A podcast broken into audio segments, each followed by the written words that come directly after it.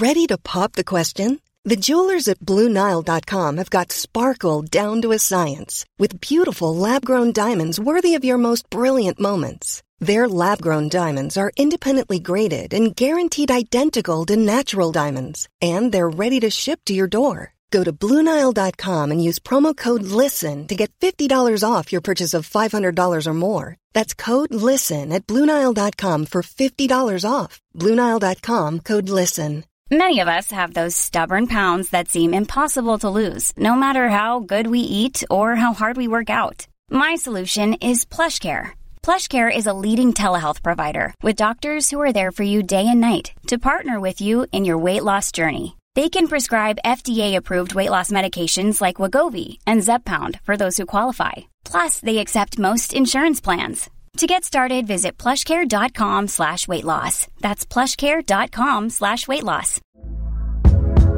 Hey there, it's Michelle Norris. I'm host of a podcast called Your Mama's Kitchen. When I travel, I'm usually looking for a way to find a taste of home when I'm not at home. And one of the things I love to do when I am at home is entertain. And Airbnb allows me to do that. When I was in California recently, I rented a house that had a great kitchen. And when we were sitting around the table, we're all thinking, we're in someone else's house. Someone could be in all of our homes as well. If you have a home, but you're not always at home, you have an Airbnb. Your home might be worth more than you think. Find out how much at airbnb.com/slash host. Ja, Øystein, åssen går det? Det går bra, det går bra. Det er koronatid, og det er eh, familie- og mekketid. Ja, det har vært litt mekking her også nå, så nå, nå tar det seg litt opp. Jeg har jo skifta fra EU-godkjenningsbruksspillmekk til ordentlig mekk, eller? Nei, nei, nei. Nå er det bare enormt mye bruksspillmekk. Ja. Ja, du driver og slakter en varebil, du, for å Åh, ikke snakk om det. Jeg gjør jo ikke det. Ja, du gjør ikke det? Ja, for det gode, gamle delebilen var mye bedre enn hovedbilen, vet du det? det? Jo, jo, jo, jo. Det er jo en klassiker, de greiene der. Og så har man jo altfor mye sympati med delebilen. Ja. Nei, vi kjører om pod, da. ja, ja, vi tar pod. Kom igjen.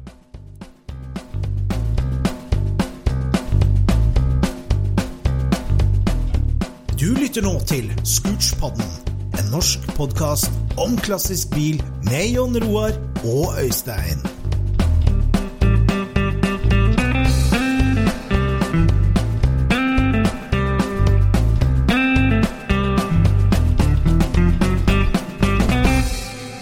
Yes, det er klart for en ny Scootspod, og um, Scootspoden ruller på.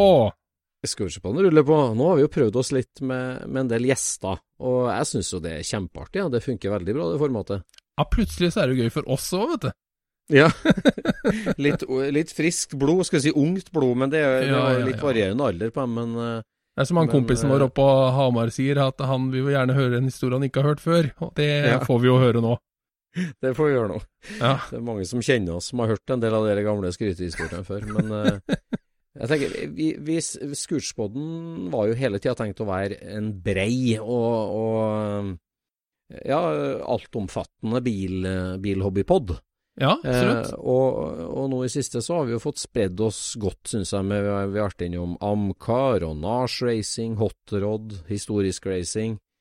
Ja, folkevogn på Oppdal, eh, italienere i Porsgrunn. Så vi, Ja, vi ja. har vært, eh, vi har vært eh, bredt ut, og vi tenker jo å kjøre flere gjestepodder. Og vi tar ja. gjerne imot tips, altså. Hvem har du som lytter lyst til å høre på Scootspodden? ja, det hadde vært gøy å høre det. Ja, gode navn, gode folk i forskjellige leirer helt. Vi, vi skal prøve oss på både Ford M-klubben, og vi skal prøve oss på gatebilmiljøet og litt forskjellig, har vi tenkt. Mm. Så, så vi tar gjerne imot eh, gode tips om, om interessante folk å snakke med. Ja. Det har jo vært faktisk litt folkevogn i de folka som eh, har prata om annet òg. Lite grann har det vært. Det er det som er litt artig, da. At, eh, at det bor en smurf i oss alle. Det bor en folkevognentusiast i oss alle. Når vi tar av ytterskallet. Ja. Ja. Mange som eh, Nei, jeg blei jo eh, jo faktisk påminnet dette her eh, i, i går, ja, For da, da dukka jo opp han, han Johnny Smith. Ja. dukka opp. Ja. Vår gode gang. Og det er jo Ja, det er jo liksom en, en fyr som har Han var jo på fifth gear i mange år. Ja. Det er der jeg egentlig husker han fra. det Da var jo han eh, Mm. Tiff Nedell og han eh, Johnny Smith drev jo og kjørte bil der. Mm. Eh, og det var jo liksom det trauste utgaven av Top Gear. Ja. Um, men jeg husker den jo derifra, og så, og så etterpå så har den jo vært en sånn YouTube-komet, vet du, med masse forskjellige eh, satsinger, da. Ja. Og en av de tinga har jo vært eh, Fully Charged, som jeg har sett en del på, og der har han jo liksom testa elbiler og alt mulig greier, og noen ganger der så har han hinta til folkevogn, ja. Og det stussa jeg litt eh, på. ja, men, men skrev ikke han for Folksål i sin tid, da, eller? Ja, Han hadde arbeidspraksis for Volksworld. det? Ja. Ja, ja, ja. Og, og det var da han bestemte seg for å bli uh, biljournalist, da. ja Når han uh, var Altså, Volksworld er jo liksom Det er det engelske Det er krembladet i England i forhold til folkevogn. Ja, ja. Men etter etter han hadde vært i Volkswell, så begynte han å skrive for et annet et som han ikke nevner hva var. Han skrev for et annet folkevognblad i England, og jeg tror den, at det var den Flat Four. Aha. Det var jo et blad som het Flat Four i noen år. Ja, ja, det var noe Så jeg mistenker at han skrev i det. For Jaha. Jeg syns jeg så logoen deres på den uh, bobla hans. Ja. For første bilen hans var jo da selvfølgelig en 67 boble, og den har han fortsatt. Eh, og den eh, starta han opp i går. Han la han ut en, en ny YouTube-video eh, på kanalen sin Carpervert. Og starta opp 67 bobla inni skuret sitt, da. Og da snakka han seg jo lyrisk eh, over denne 67-en, da. Og det er jo litt artig å se, da. At det er Ja, liksom det- Det, det er en smurf i oss alle, liksom. Akkurat. Så den har han fortsatt? Ja, den hadde den fortsatt, ja. Ja. Så da, da gikk han gjennom liksom eh, alle de tinga som vi er veldig godt kjent med, da, på den bilen, ikke sant. Veldig fin kombinasjon det, da, med både elbil og boble. Det liker vi jo. Ja, for han bruker jo elbil, men altså han er bilinteressert, så nå har han jo hoppa av den elbil-YouTube-serien. Ja. Så nå har han jo sin egen kanal igjen som heter Car Pervert, da. Og der ja. kjører han jo alt mulig rart, både elbiler og, og vanlige trimma biler og alt mulig rart, liksom. Det er alt. Han er altspisende. En egen YouTube-kanal altså, som du følger med på. Ja, jeg har fulgt, eh, jeg har jo fulgt han over noe tid, i hvert fall. Jeg syns jo han har en sånn Du merker at han er ganske teknisk oppegående, kan du si. Ja. Men eh, det som er litt morsomt med han, er at han har jo drevet og kjørt dragracing òg, vet du. I en sånn Enfield 8000. Enfield 8000, en motorsykkel, eller? Royal Enfield? Nei. Nei, det er en bitte liten bil. Altså, nå er jo du veldig sterk på engelsk bil, sånn generelt, men Ja, denne her har du nok antageligvis ikke sett. Nei. Du kan, du kan, du, du kan se for deg en, en krympa Tjorven. Svenske liten- postmann Pat glassfiberbilen. Ja. ja, ja, dette her er også en liten glassfibersak, da. Eh, men den, er, den har faktisk noe gående, altså. Det er ganske stilig å se på, syns jeg. Ja, Men men den altså, er jo er, det, det, er en gammel bil? En gammel bil? En ny bil, eller? Jeg tror det er en 70-tallsbil. Jeg tror det er 70-talls? 70 Ja, Engelsk 76. elbil i glassfiber? Ja, jeg tror den var engelsk Nei, altså, jeg tror det var en elbil fra starten. Det er jeg ikke helt 100 sikker på. Nei. Det veit jeg ikke. Yes. Men han har i hvert fall oppgradert den eh, skikkelig ja, okay. Så han har jo 800 hester den der lille saken der. Oh. Og den veier jo da Ja, elmotor og litiumbatterier, og Mm. liksom Den veier jo under 1000 kilo og har 800 hester, da. Ja, bygd bare for dragracing, liksom, eller? Nei, altså, den er jo gateregistrert. Så han satte jo Han satte jo verdensrekord med gateregistrert elbil for mange år siden, med den lille saken der. Da kjørte han jo 986 eller noe sånt noe, Herregud. på kvartmila med den lille, lille fysaken. Ja. Og beste er jo navnet på den. Ja. Flux capacitor, heter den. Flex capacitor. Det er jo kongenavnet sitt, da. Ah, ja, ja. Du, du vet jo hvor du har det fra? Ja, jeg har en, en sånn eh, trekanta kobling i et boks bak eh, mellom stolene, eller har han det? Det har jeg ikke sett, men det regner jeg med han har. Så det er jo egentlig Er det å jukse på dragstripa å ha en sånn eh, tidskrets, liksom? Ja, det må det jo være. Fy så flex capacitor, det er jo kongenavnet, da. Ja, det er kjempebra, vet du. Jeg skjønner Husker jo. du- Husker du den der tegninga som jeg sendte deg den gangen som du jobba på Think? Nei. Hva var det? Da var det ei liten rød Think med, med flames på. Ja. Med, sli, med sliks bak Ja, og ja, ja, den husker jeg, ja, ja, den husker jeg, ja.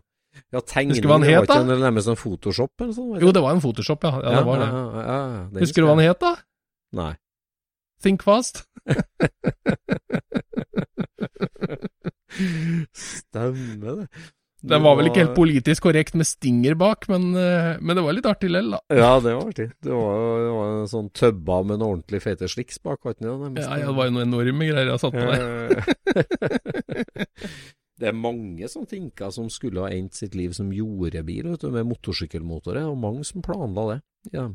Som planla det, ja. Er det noen som har gjort det? Men, eh, nei, jeg har ikke sett noen som har gjort det. Men eh, jeg, har, jeg har vært og redda faktisk en to-tre stykker jeg, som sto på en i Enebakk. Så sto det to, veldig gamle på en gård der som skulle bli motorsykkelmotorifisert barnebuggy på jordet, men eh, de ble Men hvis du, ta, hvis du tar ut motoren og batteriene, hva veier en sånn da? Eh, hvis du tar ut eh, Altså, den veier 900 der, og så er det 300 i batteri, og så er det sikkert 100 i motor og kontrollboks, da. Så du er nok nede på 500 kilo bare i chassiset. ja. Ja. Ja. Så inn med en boblemotor og girkasse, da. Så ja, det er godt an, det. Du havner i en eh, litt rar bås der. Ja, det gjør det. Men eh, altså, elbil og flux capacitor, det var jo et utrolig tøft navn, altså. Ja, det er veldig bra navn, altså. Bare det at det, det handler om å altså, Ja, ja. reise i tid òg, liksom. Ja. Ikke sant? Beating time. Ja, det er det. Eller Out of Time, som det sto på favoritttidsmaskinen vår. Ja. Back to the Future-filmene, det er legende, altså. Det, Ja, det var det råeste jeg så. Ja. Det, det, de tre filmene der hadde vi på VHS-kassett, vi. Kjøpt hjem til meg. og det, det, vi hadde ikke noen andre filmer omtrent, altså. Hadde de? Og det, det var en sånn juletradisjon, for at tanta mi òg ble helhekta på Back to the Future. Så, okay. Vi, så vi I romjula så var vi på juleselskap eh, hjemme hos oss, og så var vi på juleselskap på, til min tante da, med hennes to barn. Ja. Eh, og da så vi fast de tre filmene. Eh, liksom Én her og én der og to der, eh, det liksom, og på de juleselskapene. For alle Ja. vi søskenbarna var helt gale etter det. Og Men hva var det som, sånn- hva var det som fascinerte så mye med, med de filma, da? Nei, jeg vet ikke. Jeg, ble helt bergtatt av den første der, på en måte, med, Ja. med ja, fascinasjonen med å reise i tid. Men det, jeg vet ikke, den derre innfløkte historien der at han møtte på seg sjøl, Ja. og, og det, det var jo det som gjorde det så innmari kult. Ja, det er, det er det som gjør at det går an å tenke på det. Altså.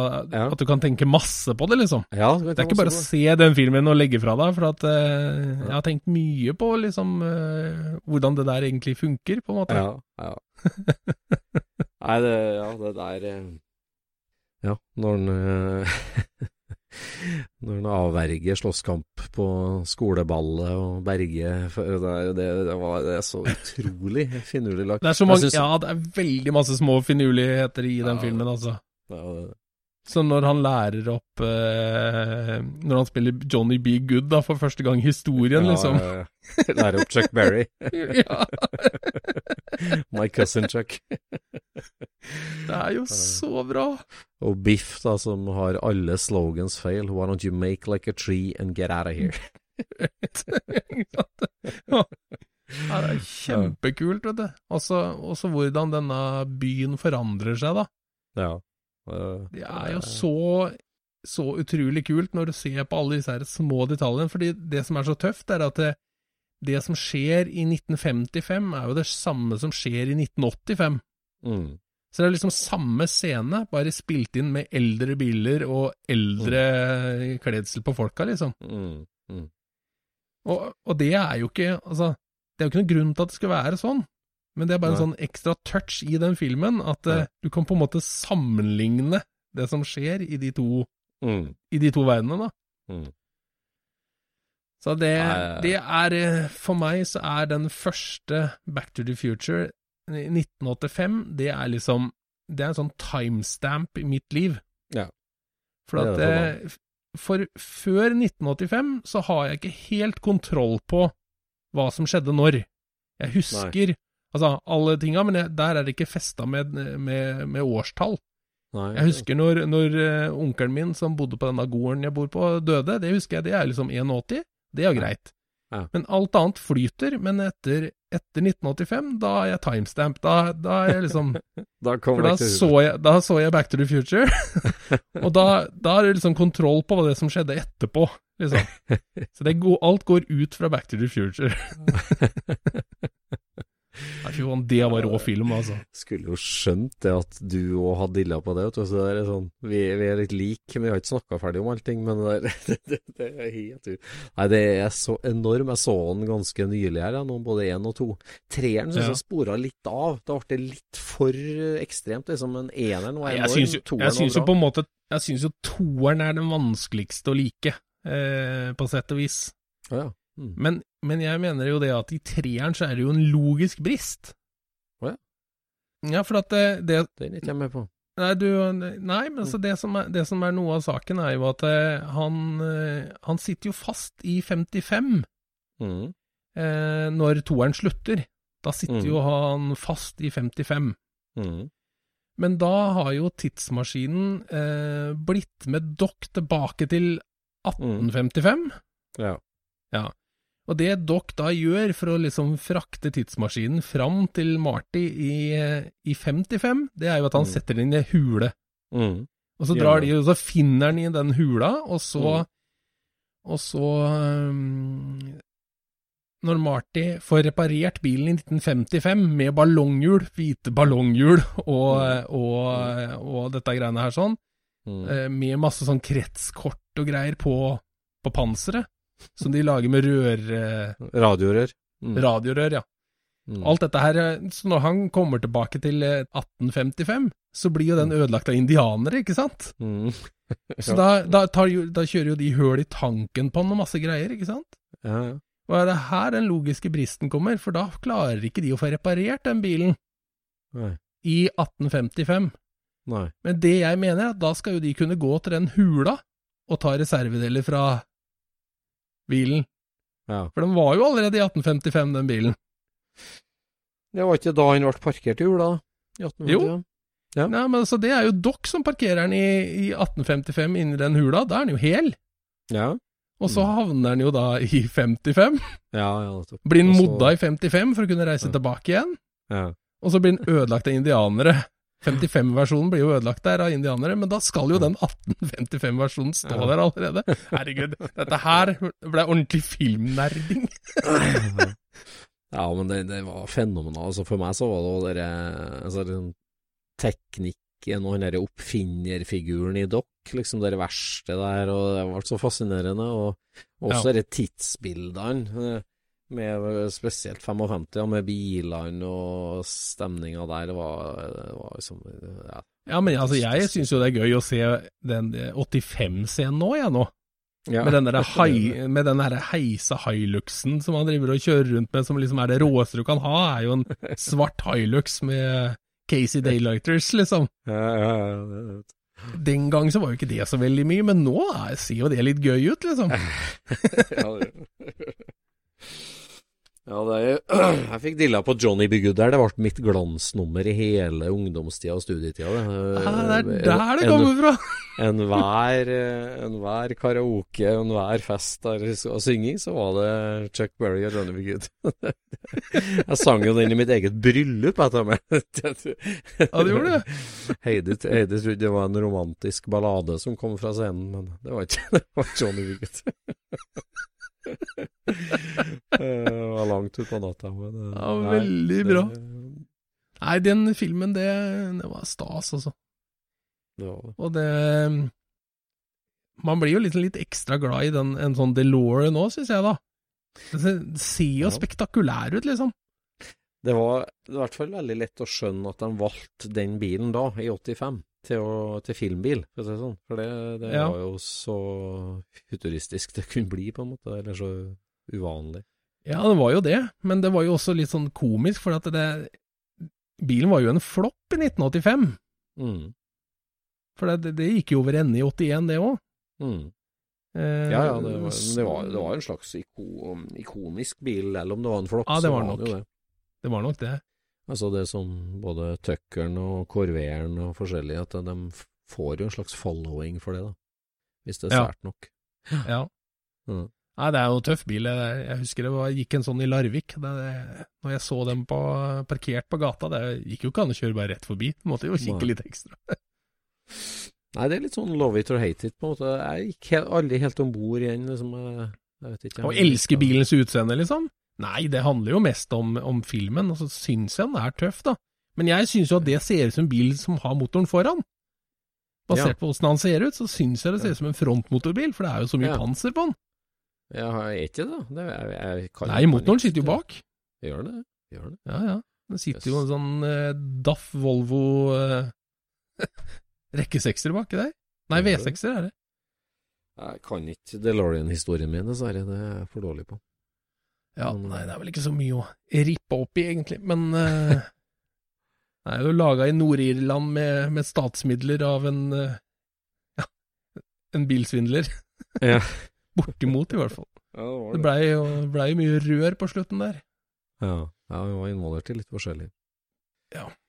Timestamp, ja. 85. Eh, for meg så var jo et veldig timestamp. Det var i 87. For da kom faren min hjem fra jobb og sa at nå skal vi flytte til Amerika. Jaha. Han eh, hadde fått seg et engasjement på universitetet i Madison, Wisconsin, litt nord for Chicago. Og vi skulle, familien på fem da i Trondheim, vi skulle eh, leie ut huset eh, på Nardo og Tillenborg, og flytte til USA i eh, ti måneder. Eller Men hva, hva var det han skulle lære bort der borte, eller hva er det han skulle gjøre der? Nei, det var sånn opplegg at når du Han jobba jo på NTH, og det var et sånt opplegg der at du kunne få liksom permisjon med lønn eh, hvis du ville lære deg noe nytt, eller lære deg noe mer. Så han Jaha. eh, hadde anledning til å være student et halvt år med lønn, eh, for å liksom lære seg noe mer. Da, og da, da var liksom det der å ja, Jeg sporer litt av, da, men altså formidling eh, å, å skrive om tekniske ting. Han var jo ingeniør, er jo ingeniør. Så det å Mhm. skrive om tekniske ting på et forståelig språk, det var veldig viktig Ah, ja. på 80-tallet. si. Og, og ingeniørene var veldig oppfordra til det. Så han gikk på sånn technical writing, formidlingsklasser, da, som var borti Ja. Så det var veldig interessant. Og mor syns det her var en god idé, alle drar. Ja, det var jo litt nølende, men eh, det var jubelen sto i taket til oss tre guttene, fall. Så det ble et sånt utrolig merkeår for meg, da. Jeg, jeg husker, jeg bruker å si det, jeg husker ingenting fra før vi bodde i USA, men jeg husker en del fra etterpå. For jeg Ja. husker alt som skjedde i 87. Vi flytta jo inn i et lite amerikansk, sånn typisk villahus, én blokk unna Burger King. Og da var okay. det 99 cent Whoppers på fredager. Så det var helt konge. Det var et drømmemøte. Så det, det ble et sånn virkelig merkeår for meg. Altså. Det ble 87. Ja. Hva, men da begynte du på skole der borte, da? Eller hva gjorde du? Ja, ja, ja. Van Highs Junior Middle School gikk jeg på. da. Ja. Jeg gikk i sjuende klasse. da. Og da hadde du sett Back to the Future allerede? Ja, det vet du. Så vi var jo ute til Universal Studios og så, så hele den torgallmenningen, skulle vi si, som var Backlotten, ja. Mm. Mm, ja. Det var, var vi på, så det husker jeg veldig godt, med klokka og lynavlederledningen og alt. Ja. Ja, ja, ja. Så Det er heftig, det der. er heftig. Hva, Hvilket merkeår var det de tyske vennene? Vi hadde For noen år siden så hadde jo DFL på besøk her. De hadde, alle de var jo vår generasjon, men de tok utgangspunkt i ett år som alt skjedde. 96? Ja, var det var det? Ja, 96 eller 97, var det det? Ja. Nå husker Hvor, jeg eh, jeg husker jo ikke alle de tingene tinga som nei, nei, men de hadde liksom funnet De hadde gått tilbake i Altså, de, var jo en, de er jo en stor vennegjeng i, i en klubb, Mm. eh, og de hadde jo funnet ut liksom at det var, det var eh, dette 96-året som alt på en måte løsna for alle. Altså i forhold til hobby og biler og, og stil og alt mulig greier. Ja, men det, det var jo Ja, det var musikk, og det var noe fil... Altså Sabrina Boys, Boys, Boys, eller noe sånt. Det var, det, var, det, var, det var så masse sånt som de tok utgangspunkt i. Som, Ja, jeg, Jeg husker ikke. 96. Eh, Det var jo noe alkohol der, så jeg husker ikke alt av det der. Nei, vi satt vel her på stabburet faktisk på Åsum en kveld før SSC eller noe sånt, og røla om det der. husker jeg. Ja, ikke sant. Mm. Ja, Så- jeg har sett noen mekkebilder fra, fra garasjen din nå, jeg. Ja, Hva ja, du driver ja. med nå? Nei, nå skrur jeg som bare det. Jeg ble jo ferdig med Porschen og fikk ut den. Så da var jeg liksom i, vært i sånn vedlikeholdsmodus, da, oppgraderingsmodus. Så da tok jeg fram eh, Eller det var ikke jeg som bestemte denne gangen, det var min eldste sønn. Sivert han har jo L bak på alle biler for tida, og jeg kjører jo ikke sjøl lenger. Og han eh, ville at vi skulle kjøre den raskeste bilen vi har. Eh, Ja. Den som går fortest av alle. Så L bak står for loser, liksom. ja, bak. Jeg, jo, jeg, må jo, jeg må jo spise det i meg, vet du, for jeg har i alle år sagt når vi ligger bak en L L står for tregost! Har jeg sagt i alle år. det er så fælt. Tregost? da. Eh, nei da, så da ble det Vi tok fram Callookeren min, ja. Den uh, som jeg kaller Old Faithful 60-modellen min. Mm. Og uh, altså, den heter Old Faithful, oppkalt etter geysiren i, i Yellowstone National Park. Ja. Eh, og det heter den fordi at den starter altså alltid, den bilen. Og oh, ja, nå trodde jeg det var for at den hadde utbrudd ved, veldig mange års mellomrom. Men det er jo ikke sånn. Ja, det kunne jo vært det. Kunne ha vært det. Men eh, nei, den Ja, for den er vel sist vært, eh, sett i 2004 eller 3, eller? Jeg vet ikke. han- var jo med på Cornerstone-jubileet på SSC. Ja, det var den, ja. Men da ble den vel dytta, eller? Eh, nei, jeg tror han gikk da. Ja. Altså, han, han starter alltid, og han Ja. går altså som et skudd. Altså, tenk på det. 30 år uten luftfilter. og stort sett samme oljen. Du Så- trenger ikke noe høy eh, Altså, du trenger ikke noe sånn high torque starter, du. Nei, nei, jeg gjør ikke det. Han, eh, nei, han, eh, det er jo, der er jo virkelig en godmotor fra Kjell Aaen Quickservice. Uh, altså, motoren er jo en 80-tallsorgie i seg sjøl, med alu og krum og rødlakkerte dekkskjell. Så den passer jo egentlig ikke inn i bilen sånn, men det er litt om norsk historie, da, den eh, Ja, ja. motoren. Ja, 1950. Den passer jo. Med, ja, den passer jo, men altså bilen er jo bygd litt 70-tallsstil, og så er det norsk eh, og 80-tallsstil på motoren. Men, men eh, Ja. den bilen har stått lenge i hvert fall, og nå uh, rulla vi den inn på hengeren og dro den hjem. Og har kjørt uh, ordentlig vedlikeholdsprogram på den med ja, masse småtteri lagd som jeg bruker å gjøre, da, i svær, uh, svær arbeidsliste på innsida av verkstedporten. Så vi har gått og kryssa av noe på forskjellige ting. Så starta med litt sånn uh, nytt batteri, bytte alle olja, uh, gå over bremser, justere bånd, uh, litt sånt. Og, Mm. Og fikk starta og ut og herja litt med den. Det er klart at når du setter Gene Berg-spaken i første der, og, og Altså, den tåler liksom alt. Det er 1300 S-kasse inn. og det er forsiktig hva du sier nå. ja.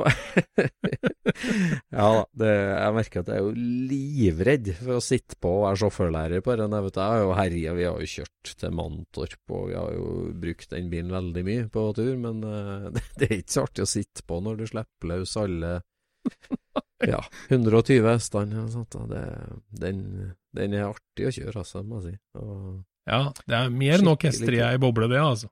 Det er det. ja, den er, det er noe med lyden og den Ja, du får den stereolyden, ikke sant? Ja, ja. Ja, ja. Ass up, nose down. Og jeg satt en liten vedlikeholdsrunde, Altså, nå driver jeg og bytter noe instrument inn. Jeg har jo en oljetrykksmåler og oljetemp og litt sånn, så nå har jeg litt mer rik riktig, tidsriktige gamle av det som er på oppgradere. Og så må jeg på med limiter straps bak, da, og det der er jo Det der er så Det der har jeg gjort en gang før òg. For at den var jo så mjuk bak, den bilen. Han satte seg jo så veldig når jeg dro av gårde. Ja. Så da bytta jeg til grovere torsjonsstaver først, og så var ikke det nok. Og så satte jeg på coilovers, eller liksom Rune, vår gode venn. Denne historien har han hørt før, men jeg har satt på coilovers på den. eh, men da ble den jo altfor høy, så da var det å bestille limiter straps da i rett lengde. Å ja, for, for fjæring, det er helt oppskrytt, liksom. Ja, ja, nedoverskjæring trenger du ikke, bare litt oppover. skal vi si. Så, eh, men det der, vet du, å spenne opp den og få på limiterstraps på en bil som har coilovers og, og torsjonsdag Ja, det er litt spennende, da. Det er litt spennende der, altså. Så nå, eh, hell, nå holdt jeg på nå, Ja, øff, lang historie, vet du, men nå holdt jeg på Fikk jeg bytta boltene da, på, på demperne, for de må bli lengre, da. Og, Ja, ja. og nå har jeg laga en plan for hvordan jeg skal få jekka han, eller stroppa den ned da, i morgen, for å greie å hekte på limiter straps. Ja, ikke sant. Så den blir stiv som en gokart bak, men uh, ikke blid. Ja. Nei, men altså, Så- hva slags stivere torsjonsstaver var det du satte på den, egentlig? Var det bare sånne variant eller noe sånt, av det da, eller? Nei, jeg var ikke splitta, tror jeg. Eller Ja, ja, ja, tidlig oval. Det går fra 22 til 19 millimeter, ikke om det den gangen der. Fra, Mm. mellom, mellom splitten. Det var det jeg satt på, tror jeg. Eller, ja. Hvordan er det der? Splitt og variant er samme, ikke sånn da? Nei, det, nå diameter. spør du om ting jeg ikke vet. Det vet jeg Nei, ikke. det er noe sånt. Nei da, så, så nå Men åssen er det for deg å skru på en bil hvor det ikke finnes en fasit, da? Nei, eh, det er litt godt, men det er litt sånn rart og flott. Den bilen satte jeg jo sammen for uh, Altså, den bilen kjøpte jo jeg i 293, vel, eller ja, ja 293. Og så bygde jeg den jo til Callucker i anledning eh, tusenårsjubileet i Trondheim, husker jeg veldig godt. Da kom Pål Rui oppover masteren, kom oppover på, for å være med på Trøndertreff i 1997, da Trondheim var 1000 år. Så Ja. 1997 debuterte jeg med den med chaparral-hjul og eh, da, da var det en type firemotor inn av alle ting. En Nattvik-bygd 2,1 liter. Det var jo en Ja. tidsmessig feil bil. Men det var ekte italienske ID-er på den. I hvert fall så ble den ferdig da. Så det, det jeg holdt på å skje nå, det er jo liksom en del av den ungdomsmekkinga mi, da. Det er noe med ledningsføringer og forskjellige braketter og overføringer som var lagd eh, Ja, som jeg? Jeg møter meg sjøl i døra litt, da. Sier opp en del ting som har gjort Men det er jo litt gøy å holde på med sånn gammelt tankegods, da, som jeg kaller det. Ja, det er jo det. Jeg syns det. Altså. Se liksom eh, hva det var som var viktig den gangen. Ja, ja, ja. Jeg ble så overraska når han la meg ned og så under. Vet du. Oi, jeg har camber compensator på den. Oi, jeg har jo Mags girkassefeste på den. Så det er Ja. fullt av stag under der, vet du. Ja, ja, ja, så jo så avansert. Jeg hadde ikke huska til alt, men eh, nei. Den, eh, den, eh, den Men jeg, godt. jeg syns jeg husker at, at det var en av de første Øystein-skrønene jeg hørte, den der, hvor du fikk den der kvikkmotoren fra. ja. Ja, jeg husker godt jeg fikk en fra henta han i leilighet i tredje etasjen på Grünerløkka hos en kokk. Jeg husker jeg. Det var jo han, eh, vår gode venn Pål Rui, da, som mobba meg så hinsides for at jeg kjørte en sliten type firemotor. Jeg hadde ikke greie på stormotor jeg da i 697. Jeg drev jo med den ovalen min og var mest opptatt av gammelt rart da òg. Ja. Så når jeg fikk høre om en billig 2,1 liter, så kjøpte jeg en billig 2,1 liter. Og så fikk jeg høre om uh, at jeg måtte ha 48 ID-er fra Italia, så kjøpte jeg det og satt på den. Og kjørte med det, men han brukte jo tre liter på mila. Han var jo helt feiljustert, den første versjonen. Ja, men det der var jo på den tida som folk kjøpte forgassere etter hva de hadde stått på før. Ja. Husker du det? Altså det, hvordan eh, forgassere ble annonsert? Det var liksom sånn Nei. da Ja, her er et sett med 44 forgassere. Eh, De har tidligere stått på en 1835. Ja, Ja. da så spør folk liksom Ja, kan jeg bruke det på 1915 min? Ja, det er ganske nære, så det går nok bra. det, Det liksom Det var jo aldri noen som dysa en dritt, vet du. Du stilte Nei, det som gikk på just stilleskruene, og så kjørte Ja. du. Ja, ja. Det er jo ikke rart sånn at ting smelta eller brukte tre liter på mila, liksom. Det er jo ikke justert i hele tatt, liksom. Nei, det var helt på måfå. Motoren gikk jo bra, men den brukte veldig mye bensin. Og så var var den jo tidsmessig feil, så da fikk jeg tips av en Pål, ja. om at jeg måtte oppsøke en kokk på Grünerløkka som hadde en sånn stående. Så det- Har alle kokker på Grünerløkka det her, eller var dette her en kjent kokk? Jeg har ikke sjekka det, altså, egentlig. Nei, jeg var ikke noe kjent kokk. Det var bare Han dreiv ikke med Altså, han hadde jo kjøpt den motoren ny, da, fra Kvikkservice. Han kjøpte oh, ja. klave før ku. Han kjøpte den ny fra Kvikkservice med delortoa og liksom turnkey, og satt den på et bilhjul ved siden av sofaen sin inni leiligheta si, midt på Grünerløkka. Ei knøttlita leilighet. Han hadde en eh, tjokk-TV og en sofa og en 1915-motor. um, som han hadde kjøpt ny, og så hadde han skulle ha kjøpt seg boble, da, men det ble aldri noe boble på han. Så han Nei. har stått der i ti år. Så den var ny når du kjøpte den, faktisk? ja, den var ny. Han, han hadde om han hadde prøvd den i bilen til kameraten sin, eller et eller annet sånt. Den hadde vært montert en gang, det hadde den. Men, men han hadde kjøpt den ny fra Krigsservice. Ja, for jeg fått syns seg å huske at bil. eh, du bytta eh, Altså, på første SSC så var du hjemme og mekka, for da bytta du støtstang. Ja, jeg kom til Jeg satte inn den motoren, jeg, til første SSC, og, og kjørte akkurat 2600 meter, for da var jeg på lokale bussholdeplassen her, og da begynte den plutselig å gå kjemperart. Og Ja. da hadde, var det ei støtstang som var bøyd. Jeg vet ikke egentlig Det vet du hvorfor skjer det? Ventilen sitter fast. Ja, det må jo eventuelt Ja, det må jo være det, da. Ja. At da har det jo satt seg på et vis, da. Ja, det har satt Til seg- tross for at det var Jeg- nytt, Jeg, liksom. jeg lunk, snudd, lunka hjem, tok på meg kjeledressen igjen og bytta den støtstanga og kjørte på SSC nummer én. Å ja, så du var, du var aldri bortom, altså? Jeg skjønner ikke hvordan folk visste at, eh, at du holdt på med det der da. Ja, jeg drev med det på morgenen der. Eh, Jeg drev med det. Jeg vet ikke hvorfor jeg kunne ha ei sånn støtsang liggende heller. Det er mulig kanskje jeg var borte på SSC og henta det. det er, jeg husker. Ja, det, er- altså, Nå røler vi for mye. ja, det er sant. Det gjør vi. Men uh, jeg har skrudd veldig mye på 60 melk hele uka i hvert fall, så nå er det bare hengt på limiter straps igjen, og så skal han ut og, få en ordentlig vask. Han er skikkelig støvete. om. Nå har jeg vaska han innvendig, støvsuga han, gjort den ferdig der, så skal jeg ut og vaske den, og så skal jeg dynke den med VD40. Ja, ok. Jeg har dilla på mye rart. Jeg har dilla på Ovatron. Men hva syns ting. eh, Sivert om den bilen, da? Jeg syns han er drittøff. Han eh, Ja. storkoser seg. Det er jo sånn som ungdommen liker, det der. Eh, Det der er sånn som ungdommen liker, altså. Det, han, øh, jeg var i går morges, det, så bare sta, da våkna jeg av et drønn. Da hadde han gått inn i verkstedet og starta han sjøl, og kjørte ut og skulle hente posten. Og det er jo 100, eller ja, 30 meter å gå. Så da starta han av det. Og jeg bare sprang ut på trappa. Du må ikke ruse før den er varm! Ikke rus før den er varm! Iskald. Så stas. Men jeg tror den har vært med på litt forskjellig, den Eller jeg vet at den har vært med på litt forskjellig, så Ja, ja, ja. Nei da, så jeg skrur på litt mange gamle ungdomssynder. Men eh, det er veldig artig. Mm. Har du vært ute og cruisa nå, da? Ja ja, vi har vært uh, kveldstur hver kveld. Men uh, I den, da, eller? I den, ja. Mm. Ja, ja. Ja ja. Så Så kult, da. I går eh, Vi har det som jeg har sagt at det artige er jo sånn stoplight racing, men eh, det at vi har jo ikke noe gatelys i nærheten her da i hele tatt, for det er jo på bygda. Så i går da så møtte vi en rød Corvette kabriolet da, men eh, liksom, vi møtte den. Vi kom ikke Ja. opp ved sida av den på noe vis. vi har litt lyst til å prøve oss. Vi har det. Ja, nei, det er artig det, vet du. Men uh, i dag har jeg vært på cruising. Ja, det var det, ja.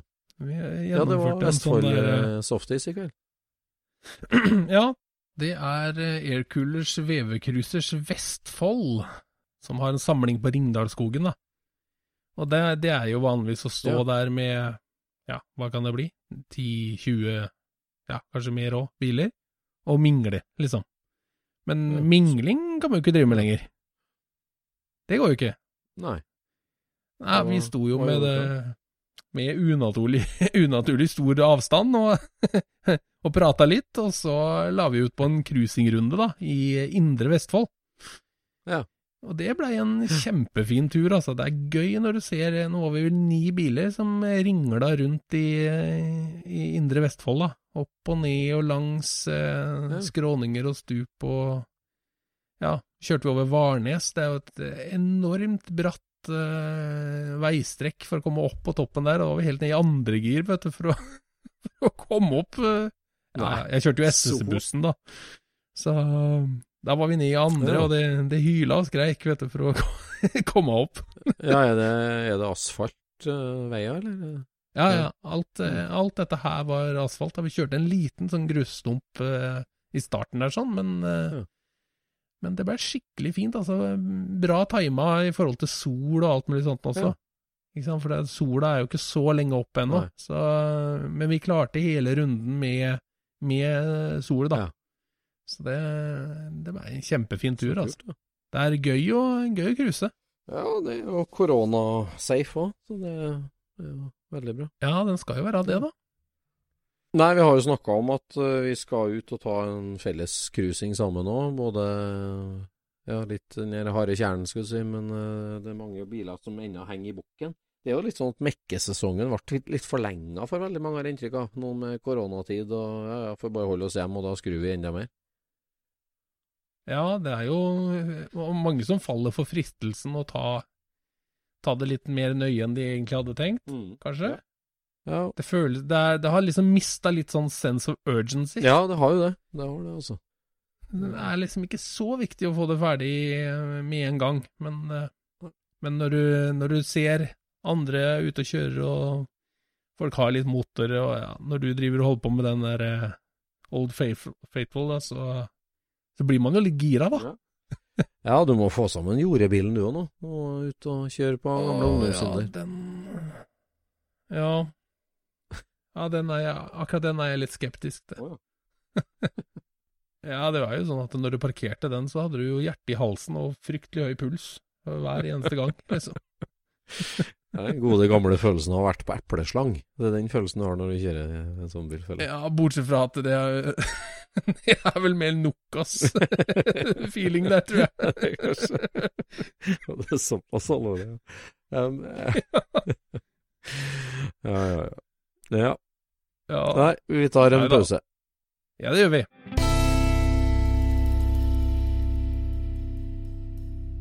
I stad prata vi litt om han eh, Johnny Smith, Mm.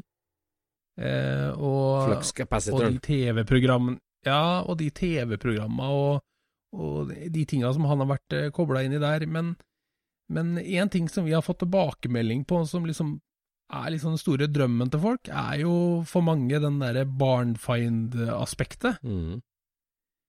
Og der er det liksom sånn American Pickers er jo liksom eh, noe av det råeste du kan se på TV, syns mange. Ja. ja, fy faen. Men, Dreiv du med det i 87? Altså, var du noe rundt og kjøpte brusautomater og eh, liksom Eh, nei, altså i 87 så var vi ikke Da var ikke jeg så mye Der var jo ikke i 7. klasse. Da var vi veldig mye rundt på Salvage Yards, for faren min han kjøpte jo tre Cadillacer som vi tok med hjem. Og Tre Cadillacer? ja, vi kjøpte Samme årsmodell, eller hva? Nei, vi kjøpte først en 66-modell som vi hadde til bruksbil, hverdagsbil, hver dag. Kjørte skolen og alt borti der. En, et flak av en sedan de Ville. En herlig sandalwood beige eh, firedørs hardtop, eh, herlig bil. Og så eh, fikk vi liksom Cadillac-dilla, da, og kjøpte en eneiers eh, 53-modell, eh, serie, serie 62 Coupé de Ville. Og så kjøpte jeg en fin Ja. lyseblå eh, 56-modell Coupe de Ville. Åssen fant dere de da? Var det liksom blader og sånt? Ja, det var Hemmings sto på Motor News gatehjørnet, eller? og lokalaviser og sånt. Det var i området der vi var, da, i Midtvesten. Eh, så var Ja. vi på litt bilauksjon, og den der svarte altså Black Cadillac, den 53-mannen, det var jo Den var på en auksjon, den faktisk. Gamle dama hadde hatt en auksjon, så var det en som kjøpte den der. Vi var med å bøye på han, vi òg, men jeg syns han ble litt i drøyeste laget og sånn, sånn. Og så var det en som kjøpte den, og så ble vi litt kjent med han, og så holdt vi kontakten med han. Og bare etter en måned så ringte han og sa at vi kunne få kjøpe den. Så oh, ja. så de to Cadillacene kjørte vi hjem, da. Kjørte gjennom Detroit og Niagara Falls, og kjørte dem til New York, og satte dem på båt og tok dem hjem. Uh, og da var vi rundt en del og jakta på deler for å perfeksjonere dem, og da fant du, kunne du finne 50-talls Cadillacer på Salvage Yards da, rundt omkring der. Så, så vi var en del rundt der, Ja. men så flytta jeg tilbake da i 1991. Da Ja, til USA igjen, til ja. USA igjen, ja. Da reiste jeg Mhm. på egen hånd, og da var jeg jo utvekslingsstudent på gymnaset. Da var jeg ferdig med førsteklasse her eh, i Trondheim. Og så flytta jeg dit og gikk i liksom andre klasse på videregående borti der, da. Og det var jo en drøm, vet du, 1991. Ja, det vet du. Da kom jeg til Las Vegas. Eh, Det ble jo plassert eh, litt sånn Det var jo vertsfamilien som plukka ut deg, da, på en måte. Og den her Ja, ja, det stemmer. Det har du fortalt, vet du. Det har jeg fortalt, ja. Det fortalte du tidligere om han som var opptatt av var Subaruer, var det det? Bitte små Subaruer? Små Subaruer, ja. Han Tom Keenan som har bodd hos og topp. Jeg har jo fortsatt kontakt. Han har 32 Ford pickup i dag. Han kjører rundt i hotrod. med Ja, tøft. Og da fikk jeg da, da var jo familien inne i en sånn jukebox-epoke, da. Vi hadde veldig jukebox-dilla. Det var faren min som er mester i å dra i hus uh, nye diller. Uh, han har Ja. hatt diller på veldig mye rart, eh, blant annet jukeboxer. Så i 1991, da jeg flytta dit, så begynte jeg å jakte på jukebokser. Er veldig. Jeg hadde jo bare På vegne av han, eller skulle du også? Jeg skulle ha en, jeg òg, men eh, det var mest på vegne av han eh, at vi skulle lete. Og så ble jeg kjent med en prest i Los Angeles som het Steve Blankenship, som hadde som sideinntekt å handle med jukebokser. Og han skaffa så mye jukebokser, så ble det jo en. Hvordan klarte du å bli kjent med han, var ikke du i Las Vegas? Nei, jeg bodde i Las Vegas, og så begynte jeg å, å Ja, hvordan gjorde jeg det? Altså, vi, vi, familien min kjørte jo ut til Pomona Swapmeet hvert år, og jeg tror han sto der, jeg. Han Steve Blankenship, han sto på Pomona Swapmeet. Eller annenhver måned, da, så var vi ute dit. Så da møtte han og ble kjent med han, og så ble vi med han hjem. Eh, og til hans warehouse, og, og fikk se jukebokser. Så handla jeg så mye jukebokser til slutt at vi måtte uh, ha container, så det ble en 20 fots container da, hjem fra utvekslingsoppholdet. Med var det 37 jukebokser vi hadde, kanskje. Nei, du tuller! Nei, nei, det er sant. Det er sant. Ja, ja. Jeg handla jukebokser over en lav sko. Uh, det- vi fikk tilbud om parti, liksom, og to-tre her og to-tre der, og fikk skikkelig dilla. Men det, da må du ha samarbeida med faren din? Du har vel ikke Jo, jo, det er samme med faren min. Ja, ja. Det, altså, jeg var agent for han, for å si det sånn. Og, men altså, vi drev sammen. Jeg, vi res, hadde jo restaurert en par jukebokser hjem her i Norge før jeg dro over. Og hadde skikkelig dilla, Ja. kan du si, på det. Så det vi, Ja da. Ja. Vi, så Og når jeg begynte Asphjells er gode på diller, tror jeg. Ja, jeg har vært veldig god på det, altså.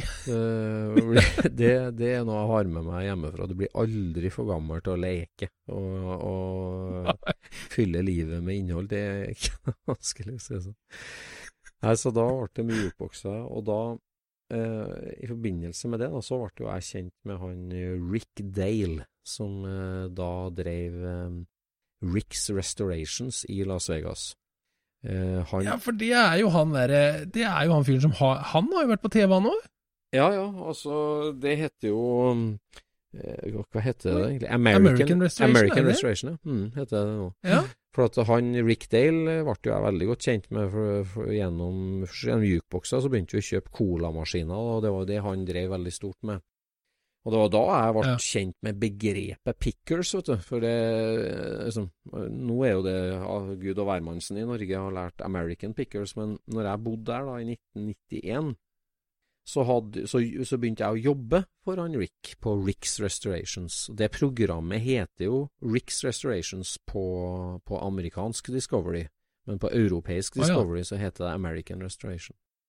Eh, Ja. Rick's Restoration, så han drev jo først hjemme i garasjen sin, jeg jobba så vidt hos han der, og så flytta han til et lite lokale da i Las Vegas, et sånt industriområde som var i sykkelavstand der, fra der jeg bodde, så jeg sykla en sånn blå, sliten racersykkel ned til han, og jobba der etter skolen.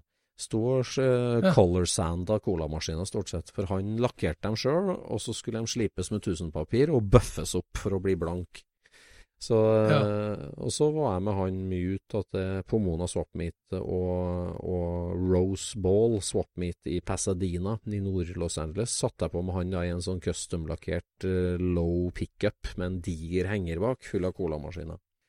Og Ja. så eh, eh, Så der, der jobba jeg og kjøpte litt colamaskiner og sånt, og han var jo en veldig artig kar, han Rick, og det er veldig artig å se han på TV nå når han, når han driver på. For jeg Men husker- hvor, hvor, hvor mye kjenner du deg igjen i, i den TV-fremstillinga, dette er her sånn? Altså, er det Nei, men altså, det var mye større. Altså, når, når jeg jobba der, så var det han og én lakkerer og meg eh, som jobba der. Da var vi bare tre. Men han som type, sånn alltid blid og veldig fingernem og ivrig, sånn var han jo. Var, veldig, han var en veldig god selger. Han solgte jo colamaskiner og slot-machines og sånt da, til rike folk i Los Angeles. Så vi, vi dro ut uh, på kvelden før til swap-meeteren og sto og solgte der. Og så fikk han solgt noen automater, og så kjørte vi rundt på ettermiddagen og leverte dem til fine Hollywood-boliger og områder. Og så kjørte jeg, kjørte jeg Men åssen. Men åssen var han, altså, hadde han vært, hvis han drev med folkehånd, hadde han dritt- eh, drevet på med Kamax-bolter og rette overflatebehandlinger her og der, eller? Nei, eller? det var ikke sånn. Det var, det var liksom uh, all shy Eller altså, det var ikke bare glinsende, men altså han ja, altså, hvis, du, hvis det var en gammel eh, automat eller spillemaskin, da, så han lempa gjerne ut mekanikken og satte inn et elektronisk kretskort som viste det samme Som gjorde det samme, for å si det sånn. da. Han var ikke, Ja, var ikke ja, sånn, det var ja.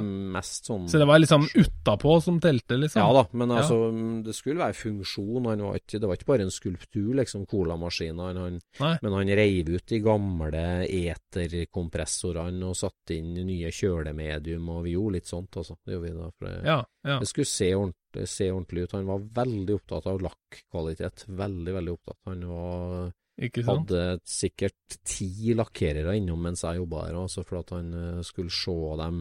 Han ga dem en maskin. og ville se grunnarbeidet og ville se lakken. Han var veldig opptatt av helt perfekt. Men hadde dere lakkboks da, eller sto Ja, dere ute under et tak? hadde en liten lakkboks Hadde den, som ja. uh, sto og lakkerte i.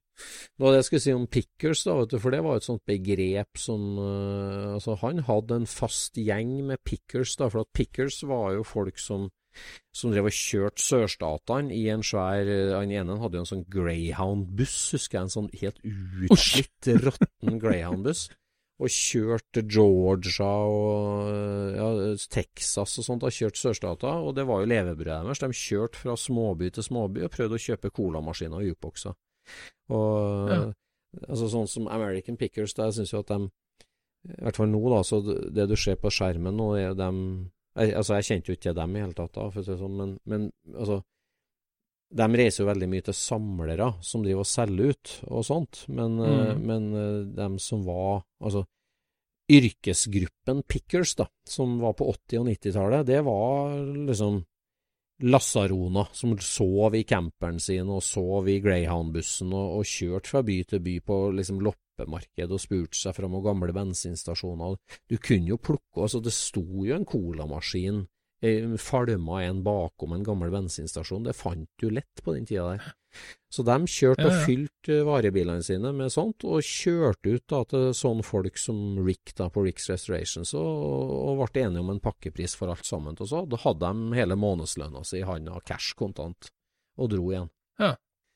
Men når, når blei egentlig sånn memorabilia så stort i USA? Har, det liksom, har de alltid vært opptatt av egen historie, liksom, eller er det Ja, altså Er det et 80-tallsfenomen, på- ja, altså Jeg vil si i 91 der så var jo det midt i boomen, det, altså med Ja, ja. cola og det var De var veldig opptatt av det da, ja. Det var. Så jeg vet ikke om det har gitt seg. altså Det er liksom sånn bondeantikviteter i Norge, kan du si, så har jo har jo det liksom tapt seg veldig, men jeg vet ikke. Så, så, sånn 50s memorabilia i USA har jeg inntrykk av at fortsatt er veldig hot, altså. Og, Ja, ja, ja. Så de åra der hos Ricks Restorations, ja, det var bra. Det som var litt kult, da, vet du, var jo altså, Han var jo en sånn kjekkas, vet du. Han hadde jo langt, krølla hår og skjeggstubb, og, og var en sånn ordentlig sånn 90-tallshelt, da. Så han, Ja. eh, han hadde jo ei, en ungdomskjæreste som var gift med Cynthia, heter hun kanskje, som han var ungdomskjæreste med. Og så eh, drev jo vi og farta ut, og jeg var med, og han lakkereren var med, og vi satt tre stykker foran i pickupen og kjørte ut til Los Angeles og var rundt og leverte der, vet du. Og på ett punkt der så var det her, det her hører, Nå høres det helt sånn tull, ville historie, eventyr ut, men da da leverte vi altså ei slåttmaskin til søstera til Patrick Swayze. som var en sånn okay. 90-tallshjelp. Patrick Swayze, han var jo skuespiller, var? Søstera hans Jo, jo, jo. Eh, leverte vi ei slåttmaskin til, og han eh, Rick han var en kjekkas og liksom sånn, og, det ble liksom litt søt musikk der. Så i løpet av det året jeg bodde der, så kasta han ut ungdomskjæresten, vet du, og søstera til Patrick Swayze flytta inn i Los Angeles. I Las Nei. Vegas, jo. Hun flytta inn der. Så jeg ble jo så vidt kjent med henne, men altså, hun var ikke noe sentral i det. Vi, jeg var jo bare på jobb der, og jeg var jo bare en snørrung. Jeg var jo 16 år, kan jeg si der. Så jeg var der litt, så det var rare ting, altså. Så Nei, så da ble det full container ja, med oss hjem. Da, så da hadde jeg en del colamaskiner. Det var colamaskiner som var primærinteressa til han Rick da, på den tida. Eh, Ja. Vendo og Westinghouse og de store merkene der, colamaskiner. Eh, så da hadde jeg med en del colamaskiner i den containeren. da. Det ble, måtte jeg leie en sånn lager-unit, da, sånn storage unit. Det er jo noe annet du ser på Discovery, sånn storage Ja, ja, unit. Så jeg ja, ja, leide ja. to sånne som vi fylte med jukebokser og colamaskiner der. Og eh, når eh, Men du hadde, ikke, du hadde ikke lappen da? Nei, jeg hadde ikke lappen. Jeg fikk det. Så det var det der, den familien som måtte liksom Å ja. Eh, fikk dem levert, da. Vet du. Jeg kjøpt Ja, nei jeg, Det er rart å tenke på. Nei, Jeg ser jo for meg at den derre den der eh, fosterfamilien, eller den fadderfamilien, de må jo ha tenkt at vi har dratt på oss mye jobb her. Nei, men jeg, jeg fylte ikke opp garasjen deres, og de var jo veldig med på det. De, de, de var nok med og henta en boks eller to, dem òg, men jeg, jeg fikk dem liksom levert, da, og så mm, Ja, jeg gjorde det, altså. Eh, men det er rart å tenke på nå, for det, det var jo ikke internett på den tida, vet du. Så det var jo ikke eh, Nei, nei. Det var liksom ikke sånn eh, Det var Recycler, da, som var den avisa i Los Angeles, kom ut hvert, hver eneste uke med bare rubrikkannonser. Den fikk du kjøpt på 7-Eleven. Hva, sa, hva kalte du deg borti der, da? Du, du sa vel ikke Øystein til folk, eller hva er det? Det var Austin. Austin. Uh, så, Austin, ja. Som i byen Texas. Austin, Texas. Eh, I'm Austin. Ja, ja. Austin from Norway. uh, ja, vet og da eh, når, når jeg da skulle flytte hjem Det var jo liksom sånn at når du var utvekslingsstudent, så var, jo, så var det liksom ikke anbefalt at du skulle ha besøk av foreldrene dine fra hjemme i Norge. Hjemme i Norge. Okay. For at du liksom ble litt forvirra psykisk og sånn på det, da. Men Ja, ja. når det var igjen bare ei uke, da, så, så måtte jo jeg ha hjelp til å laste opp container. Òg. Så, så da kom faren min over. Da kom faren min over, da. Så da var han der ei uke, og det var jo veldig var jo kjempeartig, det. Så, så da drev vi og lasta så svetten silt der i 40 varmegrader. I De, hadde, de har jo sikkert etterpå fy- lagt det, det da, ut i den der klausulen at det er, hvis det er for bærehjelp, så er det greit, sikkert. Nei, det var artig. Vi kjørte jo vi leide oss bil og kjørte litt rundt og besøkte noen av de jukebox-kompisene som jeg hadde fått, og da og, uh, måtte jo fylle opp den containeren. Så vi var jo, da var det jo den der klubben, du, Big Boppers i Norge, etablert eh, jukebox-entusiastklubben i Norge. Så det var en del medlemmer der også, som, eh, som var med og handla boks, da, som jeg handla bokser til. Hvor mange prosent av, eh, av boksene i Norge var det dere øka med der, da? Altså, Ja, det er et godt spørsmål, det. Ja, hvis, hvis du er på 50-tallsbokser, så var det et betydelig tilskudd, ja. Sikkert eh, 20% 30 Det var nok det. kom inn 20 Ja, jeg tror det. For det, det var jo Ja da, det var jo Det var jo Wulitzer eh, 2300 og 2400-modellene, altså fra 1959 og 1960, som var liksom Det var da det ble overfylt i Norge av jukebokser. Det var da jukeboksen kom til Norge, på en måte, i 1959. Ja, ja, ja. Eh, Så det var jo en del sondre, men også litt tidligere bokser som egentlig ikke fantes i Norge så mye. Som, eh, så vi forstyrra floraen. Men har du solgt dette her videre, eller har du det fortsatt, eller? Nei, Jeg har solgt noen, ja, men vi er veldig dårlige på å selge i familien vår, så vi har jo en del. Ja, ja. Så. Du har en med Johnny B. Goody, og så er resten tomt, eller? Nei, jeg har en boks i stua hjemme her nå, men den var ikke med på det lasset der. Den kjøpte jeg av um, vokalisten i The Kids, vår alles kjære Dag Ingebretsen. Dag Ingebretsen, han eh, levde jo et, eh, lever jo et uh, berg-og-dal-baneliv, og da var han jo kjæreste med ei sånn rikmannsdatter på Sing, Øvre Singsaker i Trondheim. Men så okay. ble det slutt på det forholdet, og han måtte ut i hui og hast. Og hadde ikke noe plass å flytte, og da måtte han selge store, tunge ting. Både for å få penger for å få plass, og da var den jukeboksen hans. Da det hadde han plukka opp på, et, på et, eh, en kaf, gammel kafé da, i Trøndelag for mange herrens år siden. Og han hadde Ja. den i stua si der, og vi rykka inn, og jeg, jeg, kjøpte, jeg kjøpte den eh, av han direkte. Og pruta og fikk med meg ei plate da, med 'Forelska i læreren', og den har jeg på A1 fortsatt, på den boksen. Så har jeg Chuck Berry på, Ja. på B1, på John Bigot. Ja, nå syns jeg det har vært mye name-dropping her. Ja, det Altså. har vært det. Det, det beklager jeg. Det, Søstera til Patrick Swayze. ja, ja, ja. Hvordan var det ute til lunsj, synger om ting som har hendt meg, så Nana må jeg ha med. ja, ja, ja, ja. Uff, det mye røl. Nei, vi får si at det ble nok røl for i dag. ja det blei vel egentlig det. Vi får, vi får øke bilinnholdet neste gang, Ja, gang, det kanskje. ble mye film og jukebox i dag. Det. Jepp, vi hørs. Vi prates. Scootchpoden produseres av SSC Media, med god hjelp av VV Norge og Trond Dahl for hosting, Knut Micaelsen for musikk. Abonner på Scootspod via podcaster eller Acast, og følg Scootspod på Instagram og se det vi snakker om. Der kan du også komme med kommentarer og innspill, og fortelle oss hva du vil høre om.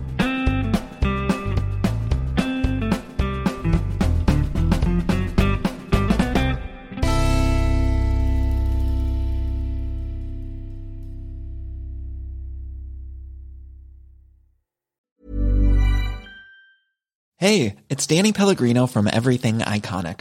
Ready to upgrade your style game without blowing your budget? Check out Quince. They've got all the good stuff shirts and polos, activewear, and fine leather goods, all at 50 to 80% less than other high end brands. And the best part? They're all about safe, ethical, and responsible manufacturing.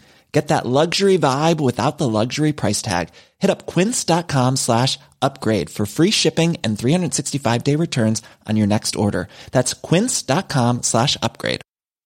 Mom deserves the best, and there's no better place to shop for Mother's Day than Whole Foods Market. They're your destination for unbeatable savings, from premium gifts to show-stopping flowers and irresistible desserts. Start by saving 33% with Prime on all body care and candles. Then get a 15-stem bunch of tulips for just $9.99 each with Prime. Round out Mom's menu with festive rosé, irresistible berry chantilly cake, and more special treats. Come celebrate Mother's Day at Whole Foods Market.